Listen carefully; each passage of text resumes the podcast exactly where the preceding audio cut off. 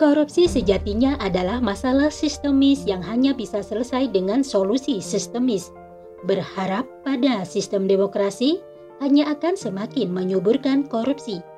Hanya Islam satu-satunya harapan bangsa ini keluar dari jerat korupsi yang menggurita selama ini.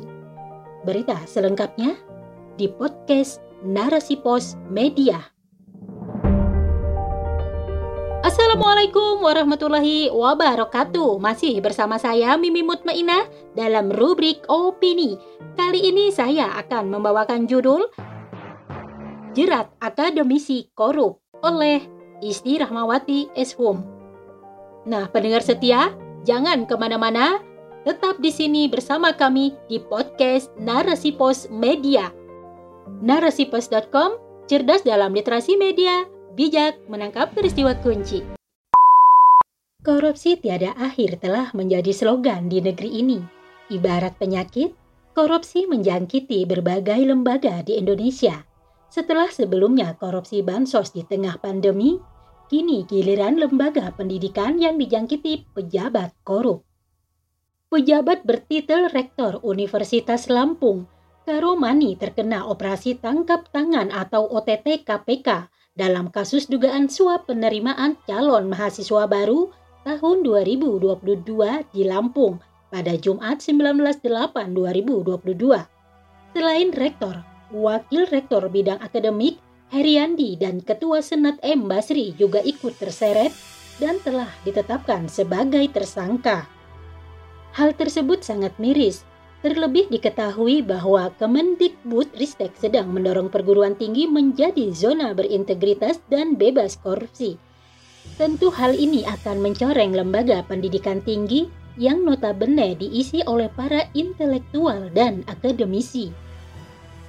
Selain itu, Komisi Pemberantasan Korupsi telah bekerja sama dengan Kementerian Pendidikan, Kebudayaan, Riset, dan Teknologi meluncurkan aplikasi jaga kampus untuk mencegah potensi korupsi di lingkungan perguruan tinggi. Namun nyatanya, korupsi sangat sulit untuk diberantas. Mantan penyidik KPK Yudi Purnomo menyebut lembaga pendidikan merupakan sektor yang rentan terhadap korupsi. Menurutnya, hal itu terjadi karena terdapat dana yang besar dan adanya kewenangan dalam mengelola dana tersebut. Ia juga menyoroti hasil riset Indonesian Corruption Watch yang menyebut kerugian negara di sektor pendidikan mencapai 1,6 triliun rupiah pada periode 2007 hingga 2021. Perlu diketahui juga kasus korupsi yang muncul ke publik ibarat gunung es. Di balik itu, masih banyak kasus korupsi yang tidak terblow up. Modusnya pun beragam mulai dari proyek fiktif, markup, gratifikasi, pungutan liar, hingga suap yang saat ini terjadi di Unila. Tampaknya pemberantasan korupsi adalah salah satu PR besar di negeri ini. Memberantas korupsi hingga ke akarnya, meskipun pada faktanya memberantas korupsi di negeri demokrasi memang tidaklah mudah. Pasalnya, sistem demokrasi telah menjadi habitat para koruptor. Sistem demokrasi yang diterapkan saat ini berkorelasi dengan sistem pendidikan. Kini sistem pendidikan mengikuti arus industrialisasi. Asasnya kini bergeser menjadi materialistis. Karakter yang terbangun pun menjadi individual sekuler, hedonis, materialis, dan pragmatis. Generasi bermental kapitalistik menjadi tak berdaya menghadapi sistem kerja kapitalistik hingga tega melakukan berbagai cara untuk bisa memanfaatkan jabatannya. Kasus korupsi di perguruan tinggi juga menjadi catatan bahwa gelar dan pendidikan tinggi tidak menjamin seseorang bisa bertahan di tengah tekanan korupsi sistemis. Tidak aneh pula jika saat ini banyak oknum yang berpendidikan tinggi tetapi rendah akhlaknya tak lagi berpikir halal haram ketika melakukan penyelewengan jabatan, seperti korupsi. Yang terpikir bukan lagi memberi pelayanan dan pendidikan terbaik untuk generasi, tetapi malah berpikir bagaimana cara untuk menarik keuntungan pribadi. Selain itu, motif korupsi pun bukan lagi sekadar motif kebutuhan ekonomi, melainkan sifat rakus yang ingin menguasai hak orang lain. Ditambah lagi dengan proses penanganan kasus korupsi di Indonesia yang masih tebang pilih, membuat koruptor tidak jerah. Dikutip dari voaindonesia.com 9 garis miring 6, menurut hasil survei indikator politik Indonesia, mayoritas publik menilai pemberantasan korupsi di Indonesia masih buruk. Kasus korupsi yang marak pun membuat persepsi masyarakat pada lembaga dan pemerintahan negara mengalami penurunan. Berbagai upaya yang dilakukan KPK melalui program-programnya perlu dievaluasi kembali. Program pelatihan penguatan anti korupsi yang sudah berjalan selama ini jangan hanya menjadi sebuah formalitas semata. Begitu juga aplikasi Jaga untuk mencegah korupsi yang diluncurkan KPK bekerja sama dengan Kemendikbudristek.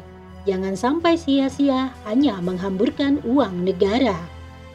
Pada akhirnya hanya sistem Islam yang mampu melahirkan pemimpin takwa.